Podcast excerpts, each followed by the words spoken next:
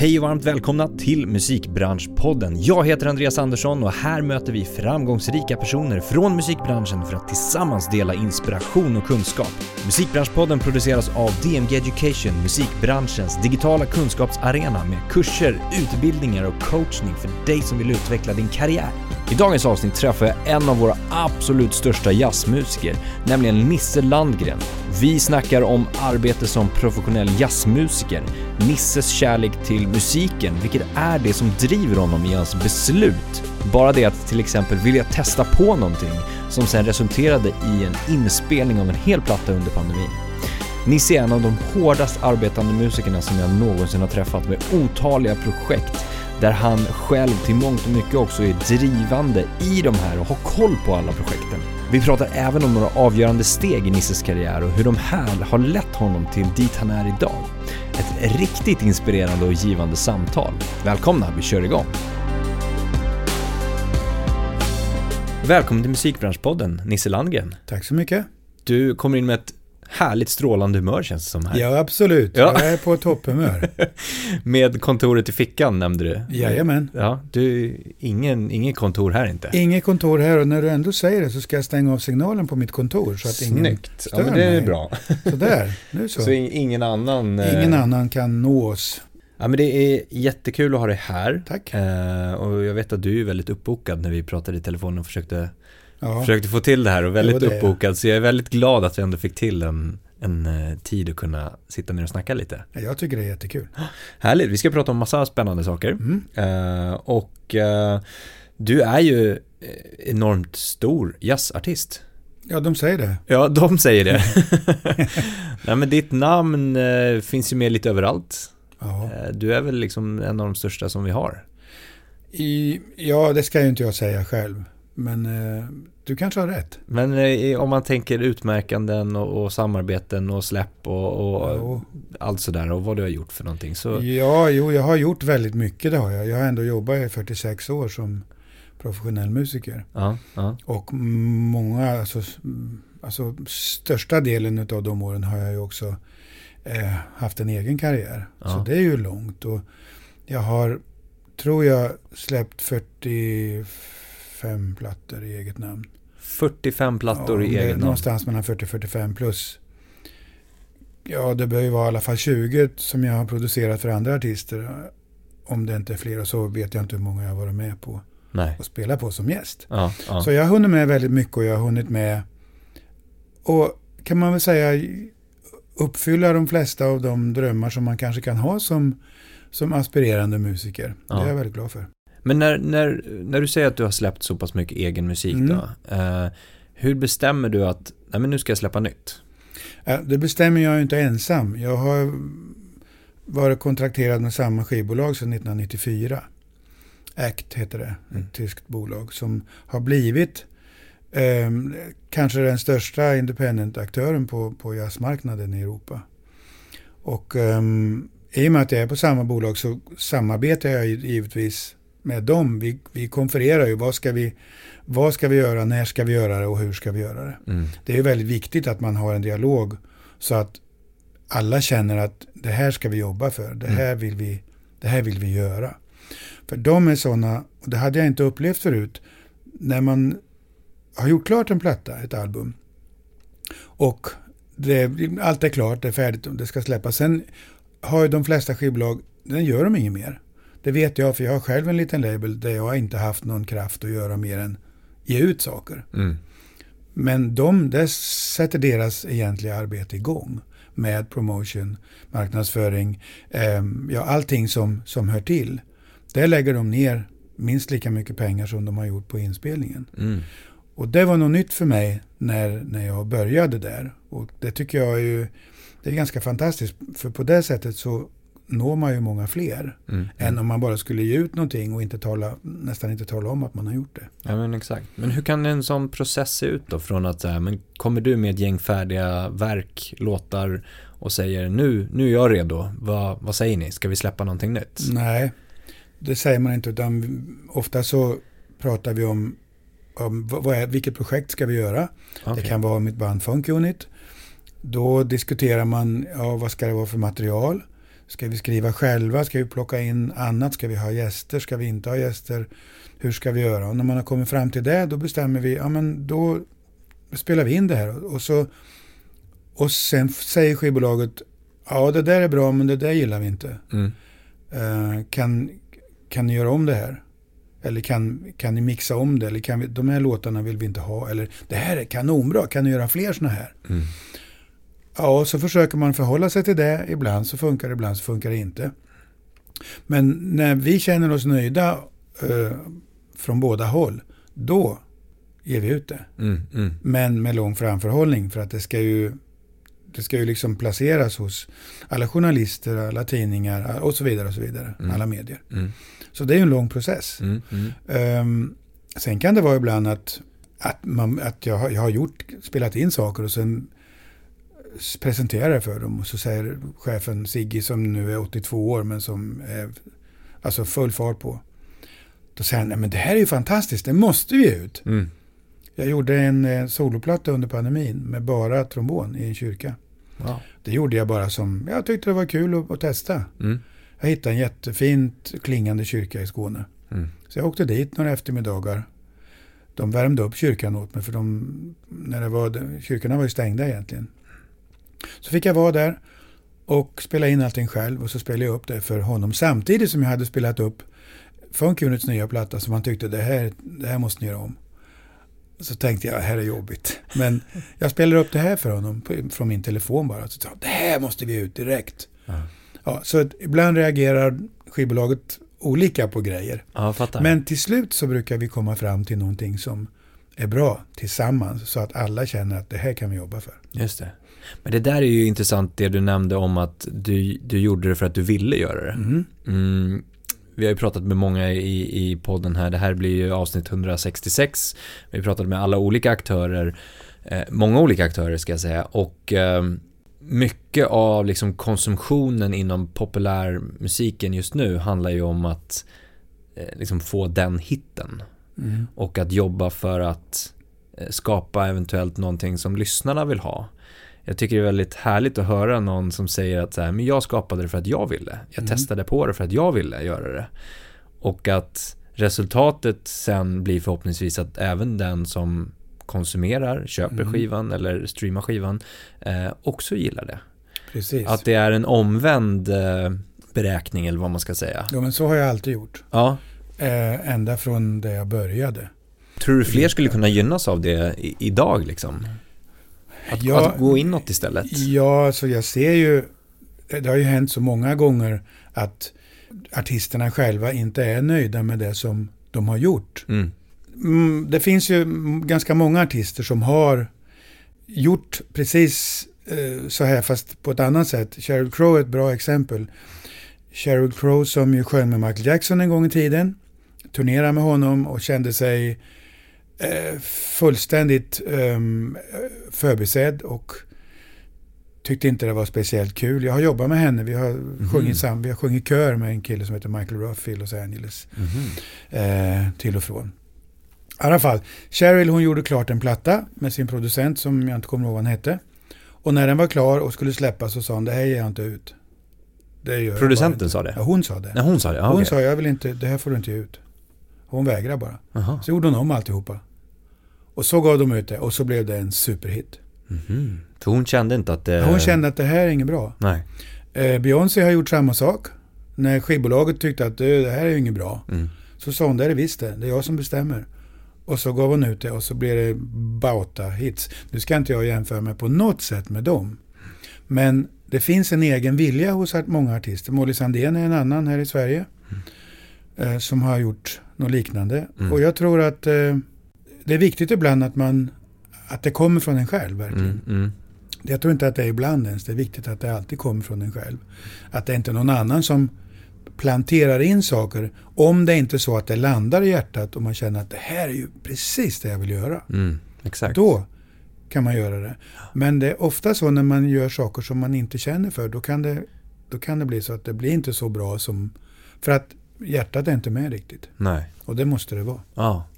Och den å andra sidan, precis som du var inne på det här med att eh, det finns så många aktörer som ska tycka till och ha en Mm. åsikt också. Säg att man är kreatör och kommer med någonting och, och visar upp det här. Det är ju det är ändå kanske svårt i början av ens karriär att visa upp någonting och det är lite läskigt och Mm. sådär.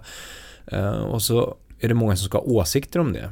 Ehm, och att det finns någon slags ja, men gatekeepers där ute som säger vad som är bra och vad som inte är bra. Och att då våga stå på sig kring att men det här, jag tycker det här är bra. Eller vi ska ha den där som singel eller vad det nu skulle kunna vara. Och att eh, den här feedbacken som det ska så lätt vara kan, kan bli ganska tung att hantera kanske för kreatörerna.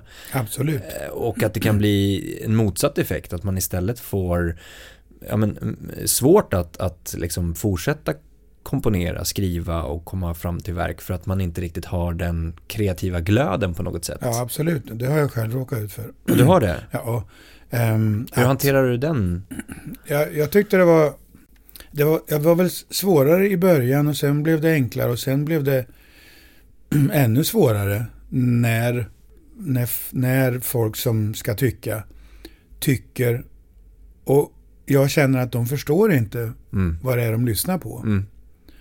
De vet inte ens, de, de, de fattar inte vad vi gör ens. Då, då blir det lite knepigt och det har ju hänt en del gånger. Mm. Men ehm, på något sätt så måste man lära sig att förhålla sig till det. Mm. Men, men det är svårt när man ska, man, man lägger ju faktiskt ut sitt hjärta, sitt innersta på ett fat och säger varsågod. Och så kommer det några och käkar upp det bara. Mm. Och jag har ju upplevt det även med mitt skivbolag någon gång att de tycker vi musiker eller vi artister är idioter. Som inte fattar någonting. Mm. Mm. Men å andra sidan så kan vi också tycka att de är idioter som inte fattar någonting. Så att det är, det är ju ett ge och ta hela tiden det här. Ja. Och eh, jag får nog säga att med facit i hand efter alla de här åren, sedan 1994, så har vi hittat en väg tillsammans Mm. som hela tiden leder framåt. Mm. Inte utan eh, konflikter och kontroverser, men det finns ändå en konsensus till slut att Mm. så här går vi vidare. Vi kan inte låta ehm, en kontrovers eller en konflikt stå i vägen för det vi vill göra, utan då löser vi den och så går vi vidare. Ja. Det tycker jag är ett bra sätt att arbeta på. Ja.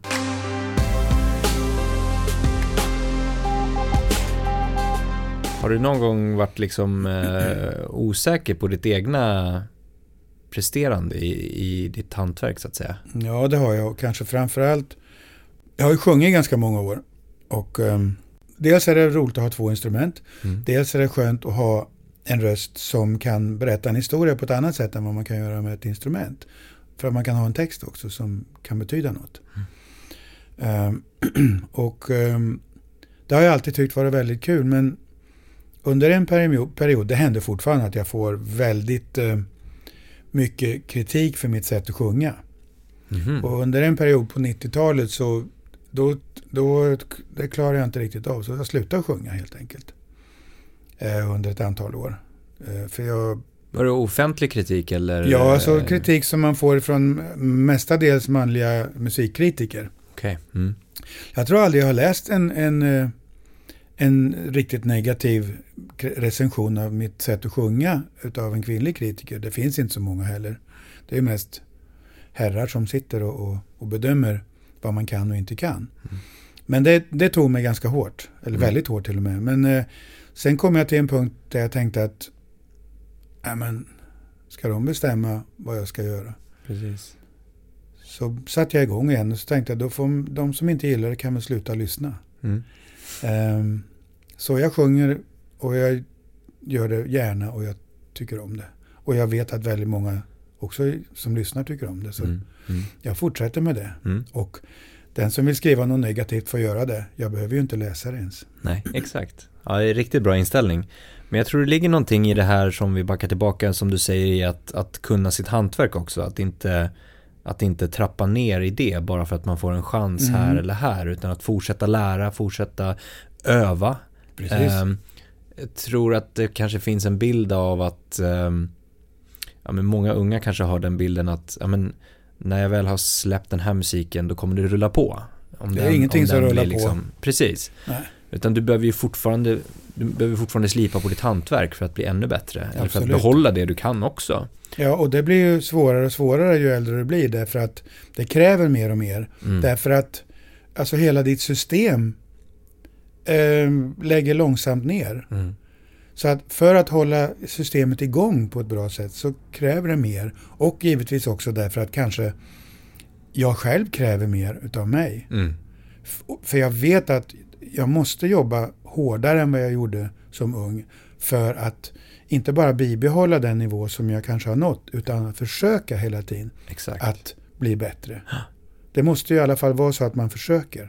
Det känns som att eh, den, det du har varit med om, eller den världen du kommer ifrån, är lite mer lättsam inom collabs och inom liksom när man gör samarbete med andra artister eller man, man, man gästar på en platta eller liknande. Att dagens, vad ska vi säga, hitlistebaserade musik är striktare inom sådana beslut. Att man, det måste verkligen vara rätt samarbetspartner. Det måste vara rätt artist, rätt eh, låtskrivare som ska gästa någon och sådana saker.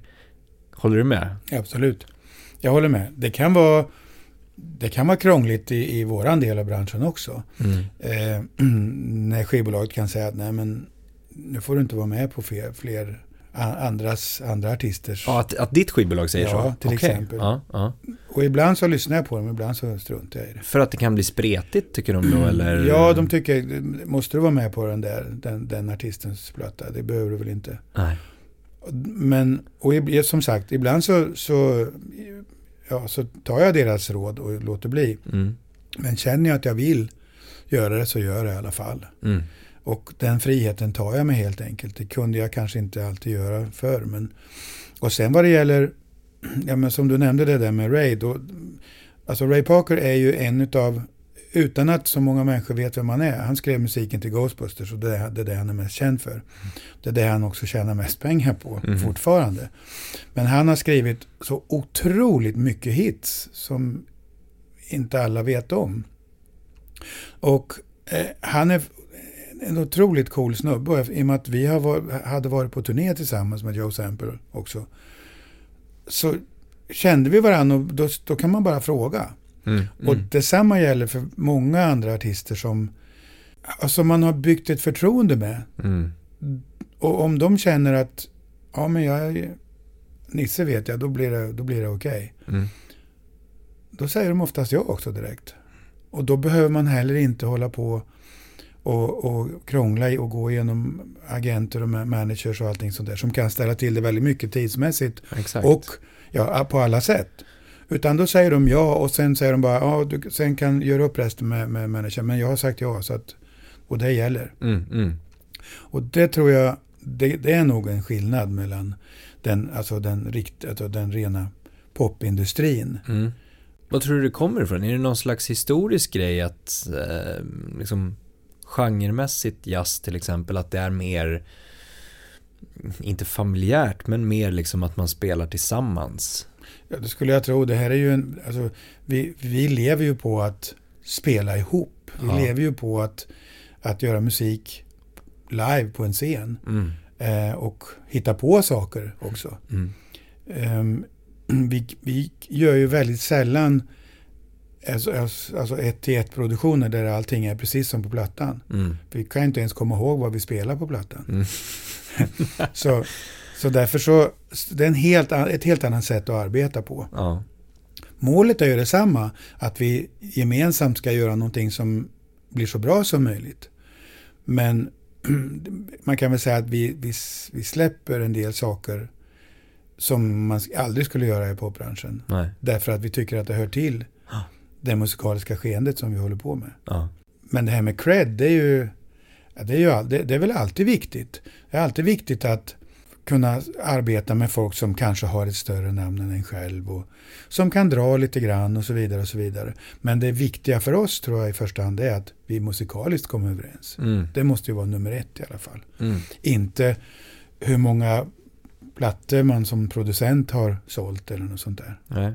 Men du som har gjort många sådana saker och tagit sådana egna Mm. beslut. Eh, vad skulle du säga till någon, säg yngre artist som ändå tänker i sådana sammanhang men utvärderar väldigt, väldigt, väldigt mycket och kanske grubblar och, och vad skulle det leda till och, och liksom vad skulle du ge för tips till den personen att, att Tro på dig själv på? istället. Mm. Tro på dig själv, börja så. Eh, och, och inte titta hela tiden åt andra håll. Vad, hur ska jag göra? Vilka ska jag ta hjälp av hela tiden? Utan jobba först med att skaffa ett eget uttryck. Ett eget sätt att stå på egna ben. Sen kan man börja och ta in andra människor. Men någonstans måste man ju ha någonting själv Mm. som är någonting som, är, som är, känns viktigt och vettigt och något som folk kan tro på som lyssnar. Mm.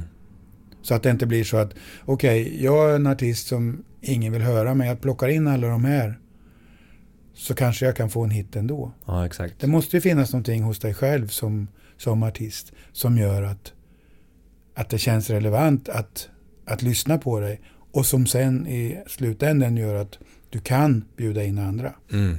Exakt. Och kanske också bara sätta sig i olika sammanhang utan att det behöver vara så seriöst. Alltså, det behöver inte vara så allvarligt. Nej, man kan ju säger prova så. sig fram. Precis, musiken kan ju ändå vara det drivande och på något Exakt. sätt Och, och, lekfullt. Och, och för oss är det ju så i den delen av branschen som man kallar för jazz. Idag är det ju så brett så det, Mm. du skulle kunna kalla det egentligen för vad som helst. Men samlingsnamnet är fortfarande jazz. Så vi, vi lever ju på samarbeten hela tiden. Mm. Eh, Det är det vi gör. Vårt, vår hela existens bygger på samarbeten. Vare sig det då är med, med att man tar in en gäst här och där eller att vi som spelar ihop verkligen samarbetar. För det är först då som vår musik kan fungera bra. När vi som jobbar ihop på en scen eller i en skivstudio samarbetar och kommunicerar och sen lyckas med att rikta den kommunikationen mot en publik som tar emot den och skickar tillbaks sin kommunikation. Mm. Så att det uppstår en, alltså en, en, en dubbelsidig kommunikation. Så det är inte bara vi som spelar som kommunicerar utan även de som lyssnar. Mm. Det är viktigt för oss. Mm. Jag tänkte vi ska gå in på det här bara med att eh, du har gjort väldigt mycket olika saker. Både live, eget, turnerande, you name it. Konstnärlig ledare. Eh, hur får du ihop ditt egna administrativa arbete? Hur får du ihop liksom bakomliggande businessen så att säga? Det är inte så lätt kan jag säga. Nej? Eh, Jag har ingen manager. Jag, det, jag sköter det själv. Ja. Jag har en agent i, i Tyskland som jobbar för hela Europa. Egentligen för hela världen. Så har jag en agent i Sverige som jobbar för min egen agentur som jag startade för ett antal år sedan som heter Redhorn Talent. Och de två agenturerna bokar jobben åt mig i samråd med mig. Med alla de projekt som jag gör. Eh, och resten så gör jag själv. Jag har givetvis en ett business management som, för jag har ett aktiebolag, som sköter om det, liksom, det rent administrativa vad det gäller ekonomi och sånt, för det är jag jättedålig på. Mm. Men resten sköter jag själv. Jag, jag um, ser till så att det funkar med, med, ja, med, alla, med alla bokningar, med alla, ja, allt vad du vill. Um, jag måste vara på något sätt någon slags spindel i nätet hela tiden. Det kräver ganska mycket och ibland så tänker jag jag kanske borde ha en sekreterare men vad ska den göra? Det kommer ta längre tid och vara mer jobb för mig för jag måste ändå kolla upp alltihopa som den sekreteraren gör. Du kan lika gärna göra det själv. Så jag är nog ganska mycket en hands-on typ som, som har vant mig vid att göra det mesta själv. Mm. Men just vad det gäller att boka jobb så har jag folk som hjälper mig med det. Mm. Men jag bokar även jobb själv. Och jag övervakar ju allting och jag säger, kan också säga ja och nej till allting. Eh, Jag kan vara med och förhandla gager, jag kan vara med och göra allt egentligen. Eh, Sen har jag ju då, om jag är, om jag är festivalchef så bokar jag ju artisterna. Men jag tar den, bara den första initiala kontakten, sen lämnar jag över det till någon. Mm. Så jag har ju folk som hjälper mig hela tiden. Mm. Jag skulle inte klara allting själv. Det, det är så många timmar om dygnet finns det inte. Nej. Men jag gör mycket själv och jag tycker att det är viktigt att jag gör det själv för då vet jag vad det är som händer. Har Annars, en- så fort jag släpper det så då, då tappar jag. Jag är ingen superkontrollmänniska men det är mycket som jag behöver kontrollera. Vi går in på det här med, eh, du nämnde det i början, att du är ny konstnärlig ledare, Mm. kallas det så? Så kallar man det för, för jazzradion. För jazzradion i P2. Mm. Från och med januari nu, Ja. om, eh, eller när det här har släppt så är det i januari. Mm. Eh, Så att nu är du det. Nu är jag det. Jag är nybliven. Vad innebär det? Det innebär att jag ska, som det heter idag, kurera liveutbudet i, i jazzradion i P2. Mm. Plus att jag ska um, blåsa liv i någonting som heter Radiojazzgruppen som har funnits i, i decennier. Men som eh, självdog för ett antal år sedan på grund av, skulle jag tro, bristande ekonomi. Men nu har P2 bestämt sig för att man vill eh, ja, lyfta jazzmusiken igen och i, till exempel genom Radiojazzgruppen då, som kan vara en ensemble som kan vara i storbandsstorlek, alltså upp till ja, i princip 20 personer. Och just Radiojazzgruppen är någonting som ligger mig varmt om hjärtat för att jag har själv varit medlem utav den orkestern i ganska många år. Mm. Alltså förr så fick man ett kontrakt som förnyades varje år om man hade tur och få vara med och de tyckte att man gjorde ett bra jobb. Så att jag var med där i många år och jag hade ju följt det långt innan för där, där ingick liksom de jazzgiganterna i Sverige på den tiden när det begav sig som Arne Domnerus och Rune Gustafsson och Jan Allan och Georg Riedel och så vidare. Och så vidare. Ehm, starka musikal, mus, musikaliska profiler i svensk jazzliv. Och sen så småningom så ebbar allting ut men nu så ska vi lyfta det här igen. Vi ska göra fyra produktioner om året eh, och bjuda in eh, kompositörer och arrangörer och sätta ihop band beroende på vad det är för projekt vi ska göra. Mm. Så att förhoppningsvis så kan jag ge ganska många musiker eh, i alla fall jobb eh, under någon vecka per år. Eh, och det ska vara olika musiker som sagt beroende på projekt. Till exempel det. Sen har ju Jazzradion ett stort liveutbud. Man spelar in konserter från festivaler, jazzklubbar och så vidare. Och det kommer jag också att vara i alla fall inblandad i. Nu gör de producenter som jobbar på Jazzradion ett fantastiskt jobb. Som jag inte kommer att peta i. Men däremot kan vi gemensamt lyfta Jazzradion. För jag vill ju att fler människor ska lyssna på den. Mm. Och då behöver vi synas och höras mer. Alltså behöver vi mer utrymme. Och hur vi ska få det, det får vi se. Men det är någonting som jag kommer jobba hårt för. Mm. Jag kommer att jobba hårt för att vi ska samarbeta med eh, radiostationer utanför Sverige. Det finns ju många alltså, offentliga radiostationer, alltså public service-stationer runt om i Europa som skulle kunna bli en del utav ett nätverk som inte heter EBU, för det är ju European Broadcasting Union, det är ju en stor grej. Men vi skulle kunna jobba på ett mer direkt sätt Mm just bara vad det gäller radio. Så jag har väldigt många projekt som jag vill genomföra men det återstår ju att se vad jag lyckas med. Mm. Men eh, min intention är i alla fall eh, att lyfta jazzradion och det är ju givetvis radions intention med att anställa mig som, Mm. i den positionen. Och det är en position som aldrig har funnits förut. Det är helt nytt det här. Spännande. Mm. Jag hoppas det här kan inspirera eh, den som sitter där ute och kanske tragglar med sin enda låt som man ska få ut om man planerar att få ut den i, i maj eller liknande. Att bara få höra det här liksom, att gå tillbaka till musiken, varför vill jag göra det jag gör och, och eh, du släpper plattor i plural och du gör andra saker och våga släppa ut det där också på något sätt. Att jag kan inspirera någon att liksom kör på, kör din grej. Ja, det, absolut. Gör din grej, och, men framför allt, ehm, var inte rädd för att ehm, försöka ge ut dig, alltså att det inte, att det inte blir för gammalt material. Precis. Alltså så jobbar ju i alla fall vi som, som spelar improviserad musik Mm, av, mm. något, av något slag. Det är ju, det är ju färskvara. Mm. det vill man gärna få ut i alla fall innan det har legat och jäst i två år. Mm, mm. För att det är också, risken är att man blir så, man snöar in så på, på produkten så att till slut så blir den så perfekt så att det finns inget kvar som, som skaver någonstans. Nej. Och det är både en fördel tror jag, en nackdel så som vi jobbar, att vi släpper igenom saker som man inte skulle göra. Och det har inte bara med att vi inte är noga att göra, utan det har också med, med det faktum att vi har inte så mycket tid. Ja. Vi har inte tid att sitta i en studio i tre månader, som det kanske man kunde ha för. Vi, alltså det mesta vi gör spelas in på en eller två dagar. Ja. Då gäller det att vara förberedd. Det gäller att leverera när det är dags. Och sen kunna släppa taget och låta dem ge ut det. Det är viktigt. Och det är kul.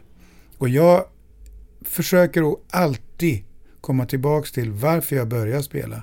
Jag började spela för att det verkade kul. Och så insåg jag att det var kul. Och den känslan, den vill jag behålla. Och den kämpar jag hårt för att behålla tills den dag jag antingen inte orkar spela längre eller jag ramlar ner död på scen. Jag är jätteglad att du ville komma förbi Nisse eh, Tack. och tog dig tiden i din fullspäckade kalender som jag är sagt. jätteglad. Jag ska iväg och repetera nu. Härligt. Ja, men stort lycka till och jättetack för eh, trevligt samtal Nisse. Tack så mycket Andreas. Jättestort tack för att du har lyssnat på podden idag. Det uppskattas verkligen. Kom ihåg att följa, stjärnmarkera, gilla, dela, kommentera för att hjälpa till att sprida kunskapen i musikbranschen. Vi vill också jättegärna höra från dig. Vilka utmaningar står du inför? Vad tycker du är svårt? Vad tycker du är lätt? Vad vill du höra? Vad vill du veta? Vad vill du lära dig? Hör av dig till oss på info at dmgeducation.se. Tack för idag och ha en fortsatt härlig dag.